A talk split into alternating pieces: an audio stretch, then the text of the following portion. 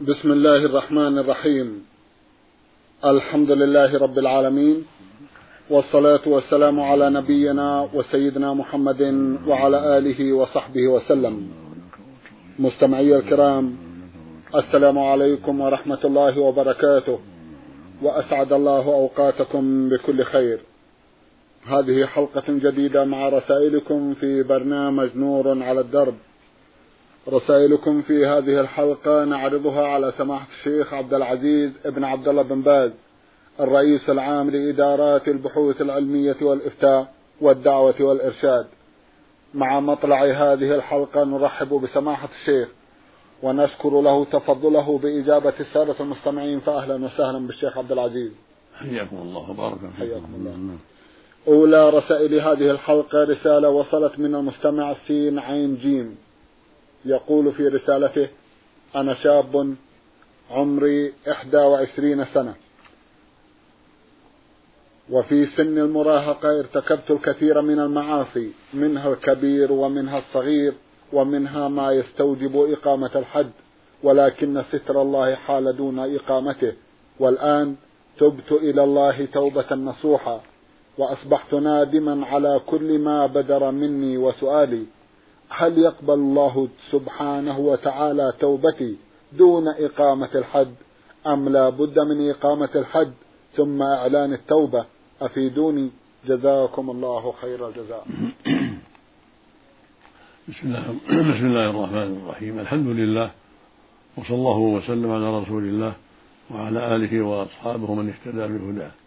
أما بعد فأبشر يا أخي أن التوبة تجب ما قبلها والحمد لله.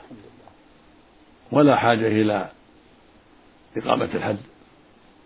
ما دمت ستر الله عليك وتبت إلى ربك فإن عليك الصدق في ذلك والاستمرار في التوبة والعمل الصالح والحذر مما حرم الله عليك. والله يتوب على التائبين عز وجل. وهو القائل سبحانه وإني لغفار لمن تاب وآمن. وعمل صالحا ثم اهتدى. وهو القائل عز وجل قل يا عبادي الذين أسرفوا على أنفسهم لا تقنطوا من رحمة الله. إن الله يغفر الذنوب جميعا إنه هو الغفور الرحيم. قال العلماء إنها في التائبين.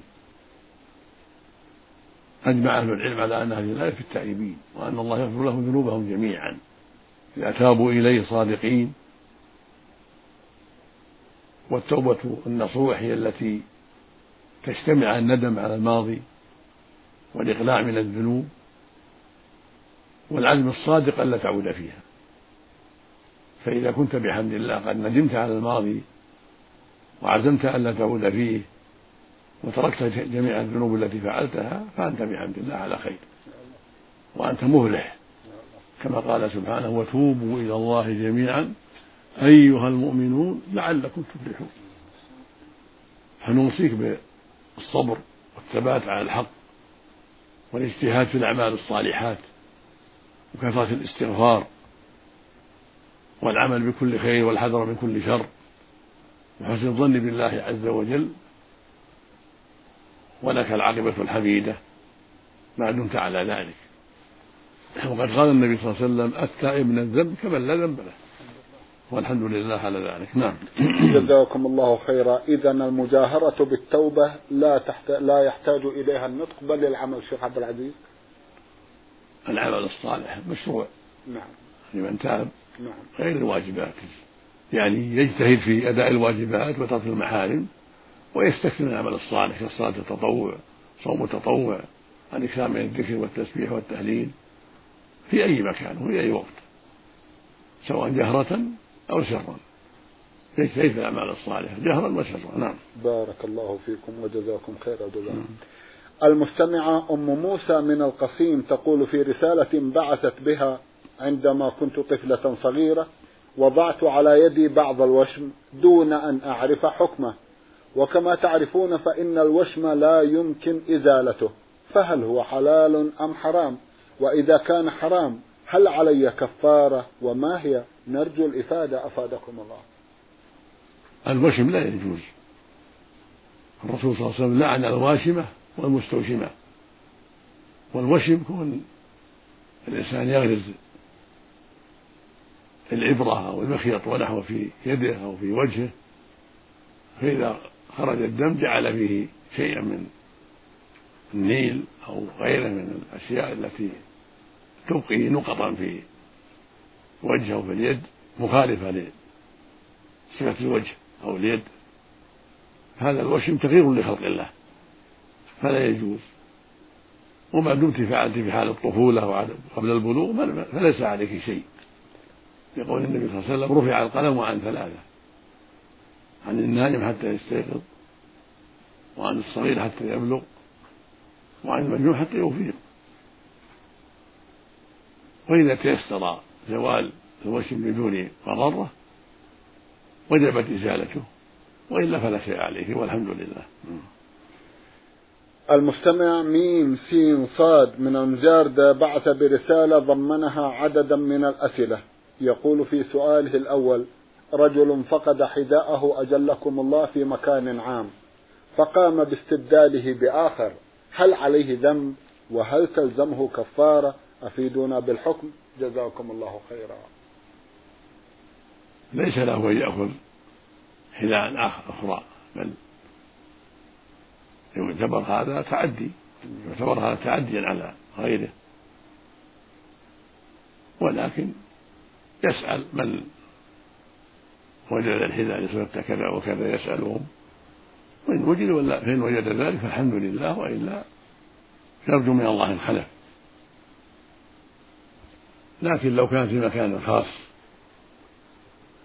ووجد في مكانها ما يشبهها فلا مانع لأن الذي أخذها قد غلط ما دامت مشتبهة بالباقية بالموجودة فالظاهر أن صاحبها الذي أخذها لم يتعمد الباطل وإنما أخذها غلطا يحسب أنها حذاء لأنهما مشتبهة مشتبهتان. فإذا كان في محل خاص وجد مكانها ما يشبهها ويمكن الغلط فيها فأرجو أن لا حرج عليه في ذلك. عملا بالظاهر وأن الظاهر أن صاحبها تركها يظنها وأخذ غيرها يظنها نعلة. نعم. جزاكم الله خيرا. رجل يعمل في جدة وأهله بما فيهم زوجته يسكنون في أبها أي أن له في جدة بيتا وفي أبها بيت آخر. هل يجوز له القصر فيما إذا سافر من جدة إلى أهله في أبها؟ أفيدونا جزاكم لا. الله خيرا. ليس له القصر لأنه متأهل في جدة وفي أبها. فإذا صار في أبها لا يقصر إذا كان متأهلا في أبها فإذا كان في جدة لا يقصر وإذا كان في أبها كذلك. ما دام مقيما في جدة للعمل مثلا أو لديه زوجة في جدة فهو مقيم. يصلي صلاة المقيمين. وإذا رجع إلى أهله في بلد أبها أو في بلده الخميس أو في اليزان أو غيرها فإنه لا يقصر أيضا لأنه في بلده طيب. بل يصلي أربعة. طيب. نعم. وبين البلدين بين جدة وأبها في الطريق لا بأس. في الطريق؟ هذا في الطريق هو مسافر. لا بأس يصلي اثنتين ويجمع بين الظهر والعصر والمغرب والعشاء.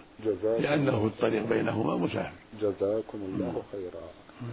ما حكم من خرج خارج الحرم بعد الطواف والسعي للعمرة ليحلق عند الحلاقين قبل أن يتحلل من إحرامه لا حرج هذه ملابس هو متحلل إذا فعل فعل المتحللين. ولو بقي عليه الإزار والرداء أيوة. فإذا طاف وسعى وخرج وقصر أو حلق لا بأس قبل لأن عليه أن يكمل عمرته قبل أن يخلع الملابس قبل أن يلبس المخيط فالمقصود أنه يكمل بعد الطواف والسعي يكمل الحلقة والتقصير قبل أن يلبس المخيط ولو حلق حلق رأسه أو قصره وبقي على حاله في الإزار والرداء يوما أو يومين أو أكثر فلا بأس به لأنه لباس شرعي ليس فيه بأس ولو استمر فيه. كان هذا من لباس العرب. كان الرسول يلبس عليه الصلاة والسلام يلبس الإزار والرداء فهو لباس شرعي ليس فيه شيء. لكن المحرم يبقى في هذا اللباس حتى ينتهي من إحرامه لا يلبس المخيط فإنه يبقى في الإزار والرداء إذا كان ذكرا نعم. حتى يكمل الطواف والسعي والحلقة والترك العمرة وفي الحج حتى يرمي الجمرة جمرة العقبة ويحلق أو يقصر أو يطوف ثم يتحلل. بلبس المخيط ثم يكمل مناسك حجه وإذا فعل الثلاث حل من كل شيء إذا رمى وحلق أو قصر وطاف وساء كان عليه سعي تم حله صار حلا كاملا. وإذا فعل اثنين من هذين من هذه الثلاثة بأن رمى وحلق أو قصر أو رمى وطاف أو طاف وحلق وقصر حل التحل حل الأول وبقي عليه التحل الثاني إذا كمل. نعم. جزاكم الله خيرا. إنما بالنسبة للمعتمر لا يشترط أن يخلع الملابس في الإحلال. ما يجوز له خلع لا يجوز له لبس المخيط حتى يكمل. أيوة. إذا طاف وسعى يبقى عليه الإزار والرداء أو الإزار فقط حتى يحلق أو يقصر. نعم. ثم بعد هذا إذا شاء يخلع الملابس ويلبس مخيط في القميص أو يغطي رأسه فلا بأس. لكن ليس له يغطي رأسه وليس له يلبس المخيط حتى يكمل نسك العمرة من طواف وسعي وتقصير أو حلق إذا كان رجلا. نعم. أما إن كان امرأة فالمرأة يباس لها لبس يباح لها لبس المخيط لأنها عورة نعم. ولكن لا تنتقب ولا تلبس قفازين حتى تكمل مناسك العمرة بالطواف والسعي والتقصير. فإذا طافت وسعت وقصرت حلت. بحيث يجوز لها الطيب قص الشعر الأظفار الانتقاب لبس القفازين لأنها حلت نعم. بالطواف والسعي والتقصير نعم. جزاكم الله خيرا من المستمع عين عين العتيبي سؤال يقول فيه إنني مزارع واحتاج إلى مال لكي أسدد به وأنفق فيه على هذه المزرعة فأذهب إلى أحد الوسطاء فآخذ منه قرضا مقابل أن أبيع خضرتي عنده ويأخذ دلالته فقط. فما الحكم؟ جزاكم الله خيرا. إذا كان لك شرطا لم يجوز. كان لم يقرضك إلا بشرط أن تبيع أن تجعل خضرة عنده يبيعها. هذا لا يجوز. لأن قرض غير منفعة فلا يجوز بإجماع المسلمين. أما إذا اقترضت منه وبعت عنده الخضرة ليستوفي حقه من دون مشارطة إنما أخترته أنت ليبيعها ويأخذ حقه فلا بأس من دون شرط. أما بشرط أنك تعطيه خضرة يبيعها هذا لا يجوز. نعم. جزاكم الله خيرا. بعض الناس قبل حفل الزواج يحجز شاعر أو شاعرين مقابل مال معين لإحياء حفلة الزواج. ما الحكم في ذلك وما هو توجيهكم للناس؟ الغنى في الزواج بين النساء لا بأس وضرب الدف والطار. كان في عهد النبي صلى الله عليه وسلم وهو من إعلان النكاح يشرع إعلان النكاح ومن إعلانه اجتماع النساء وضرب الدف بينهن بالأغاني العادية التي ليس فيها مدح لمحرم ولا دعوة إلى محرم وإنما مدح الزوج والزوجة. وأسرة الزوج والزوجة ونحو ذلك. هذا لا حرج فيه في وقت الزفاف ليلة العرس. أما الرجال فليس لهم فعل ذلك. فعل الأغاني والدف أو الطبل ليس لهم ذلك. لكن لو قام بينهم شاعر بالطريقة العربية والأشعار العربية التي ليس فيها ما حرم الله من دون دف ولا طبل.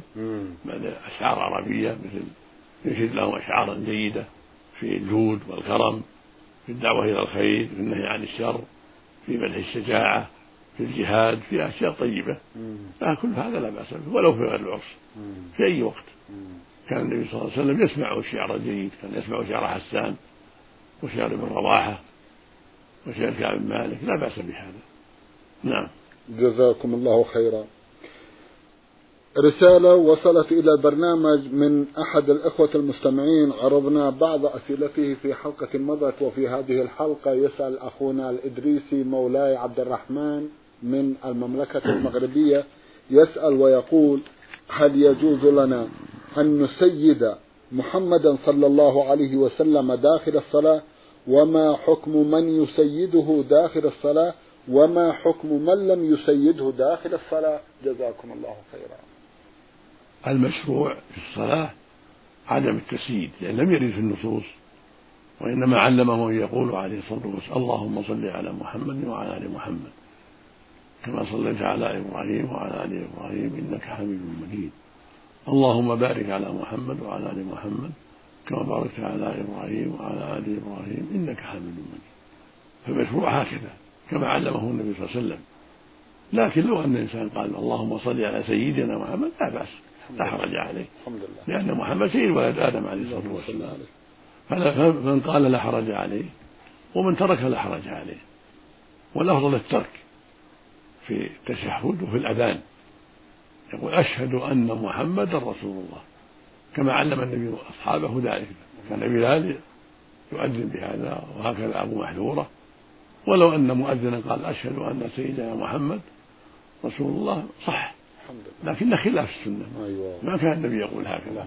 ولا علم أن الصحابة ذلك. وإنما المشروع أن يقول أشهد أن محمدا رسول الله. في الأذان والإقامة لكن لو قال أن سيدنا محمد هو صادق وسيدا لكن لم يشرع هذا. والمسلمون عليهم التقيد في العبادات لأنها توقيفية. فهذا المسلم يتقيد بالعبادة بما ورد عن الشرع. ولا يزيد. ففي التحيات يقول اللهم صل على محمد وعلى آل محمد كما جاء في النصوص. نعم. وفي الأذان يقول أشهد أن محمدا رسول الله وفي الاقامه كذلك. وأما في غير هذا إذا قال أشهد أن سيدنا محمدا رسول الله اللهم صل على سيدنا محمد فلا حرج فيها. لأنه سيد ولد آدم عليه الصلاة والسلام. قال عليه الصلاة والسلام أنا سيد ولد آدم ولا فخر. المقصود هو أفضل الخلق عليه الصلاة والسلام. لكن علينا أن نتقيد بما شرع لنا. لا نزيد ولا ننقص لأن هذا هو ال ال الذي ينبغي لنا لقوله صلى الله عليه وسلم في الحديث الصحيح. يقول صلى الله عليه اللهم صل عليه وسلم من أحدث في أمرنا هذا ما ليس فهو رد من عمل عملا ليس عليه أمره فهو رد فالتقيد بما علمنا إياه وشرعه لنا هو الذي ينبغي لنا. ويقول صلى الله عليه وسلم إياكم محدثات الأمور فإن كل محدثة بدعة وكل بدعة ضلالة. فيقول الرب عز وجل لقد كان لكم في رسول الله أسوة حسنة. ويقول جل وعلا أم لهم شركاء شرعوا لهم من الدين ما لم يأذن به الله. فالمشروع للمسلمين التقيد بما علمهم إياه نبيهم عليه الصلاة والسلام وما شرعه لهم في الأقوال والأعمال. نعم.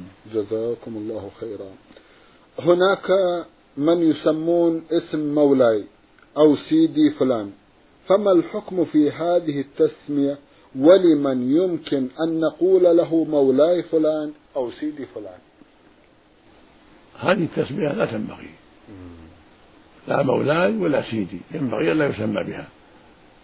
لأن جاء عليه وسلم قال لا تقل مولاي فإن مولاكم الله. وإنما يقال هذا في حق.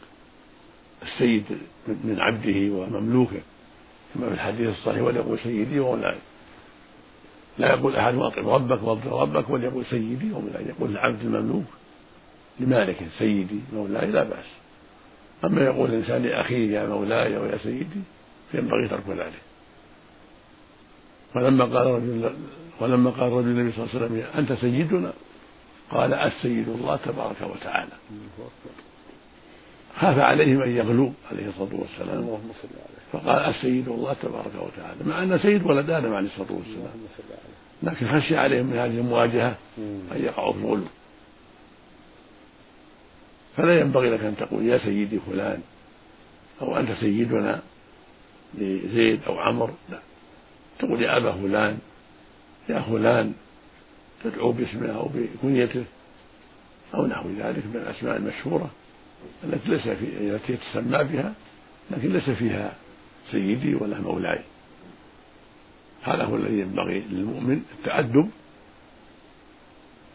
مع ما بينه الرسول صلى الله عليه وسلم والتقيد بالآداب الشرعية في الألفاظ والأعمال جميعا.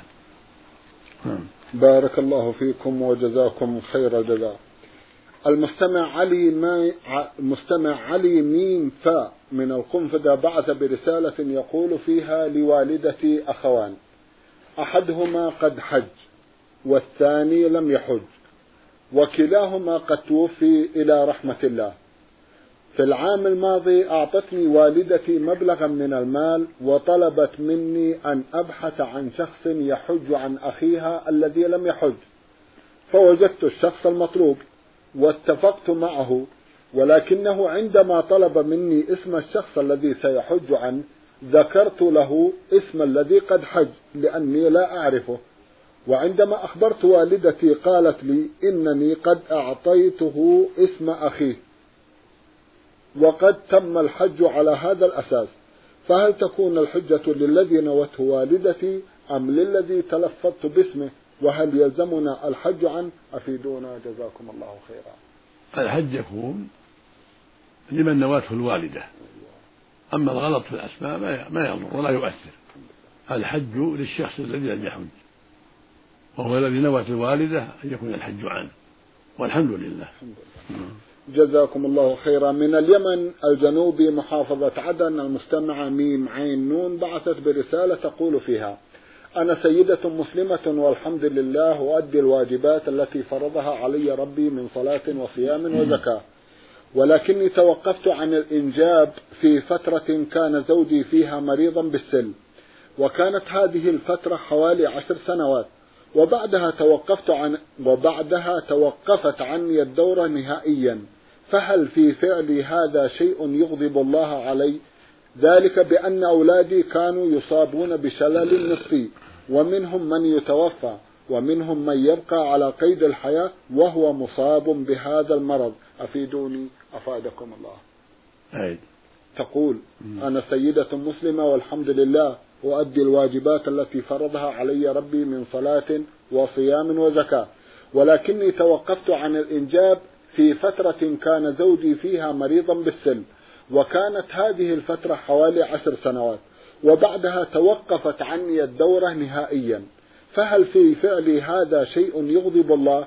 علما بأن أولادي كانوا يصابون بشلل نصفي ومنهم من يتوفى ومنهم من يبقى على قيد الحياة وهو مصاب بهذا المرض. أفيدونا أفادكم الله. إذا كنت فعلت ما يمنع الإنجاب برضا الزوج فلا حرج عليك. ما كان برضاه وموافقته نرجو أن لا يكون عليك حرج. أما إذا كان ذلك بغير رضاه وبغير علمه فالواجب عليك التوبة والاستغفار والندم على ما مضى والحمد لله. نعم. جزاكم الله خيرا. إذا كانت المرأة سمحت الشيخ لا تلد إلا مواليد مصابين بعاهات معينة. هل لها أن توقف الإنجاب؟ ما يظهر لا لأن الله جل وعلا قدير على كل شيء قد يعطيها أولادا سالمين. ولكن لا مانع من العلاج. تتصل بالأطباء المختصين. قد يكون مرضا في الرحم تعطى علاج له. ولكن لا لا يجوز لها الامتناع. وإن كان المرأة المذكورة إن كانت إنما تعاطت الحبوب من أجل هذا فعليها الاستغفار أيضا. كان امتنعت من ذلك لخشية أن يكون هناك شلل أو كذا ينبغي لها التوبة من ذلك لأن الأمر لا لا يستمر.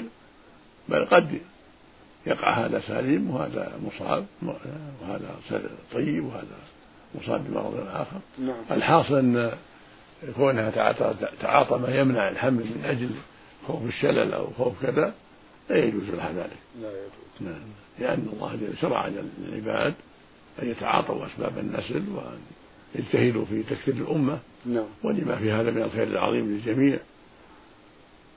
أما إن كان لا أنها امتنعت من أجل السل الذي في زوجها ومخافة أن يصيبها السل. فهذا لا ينبغي لها أيضا وعليها أن تتوب إلى الله وتستبيح زوجها إن كان قد منعها من ذلك. أما إن كان برضاه فالأمر في هذا واسع.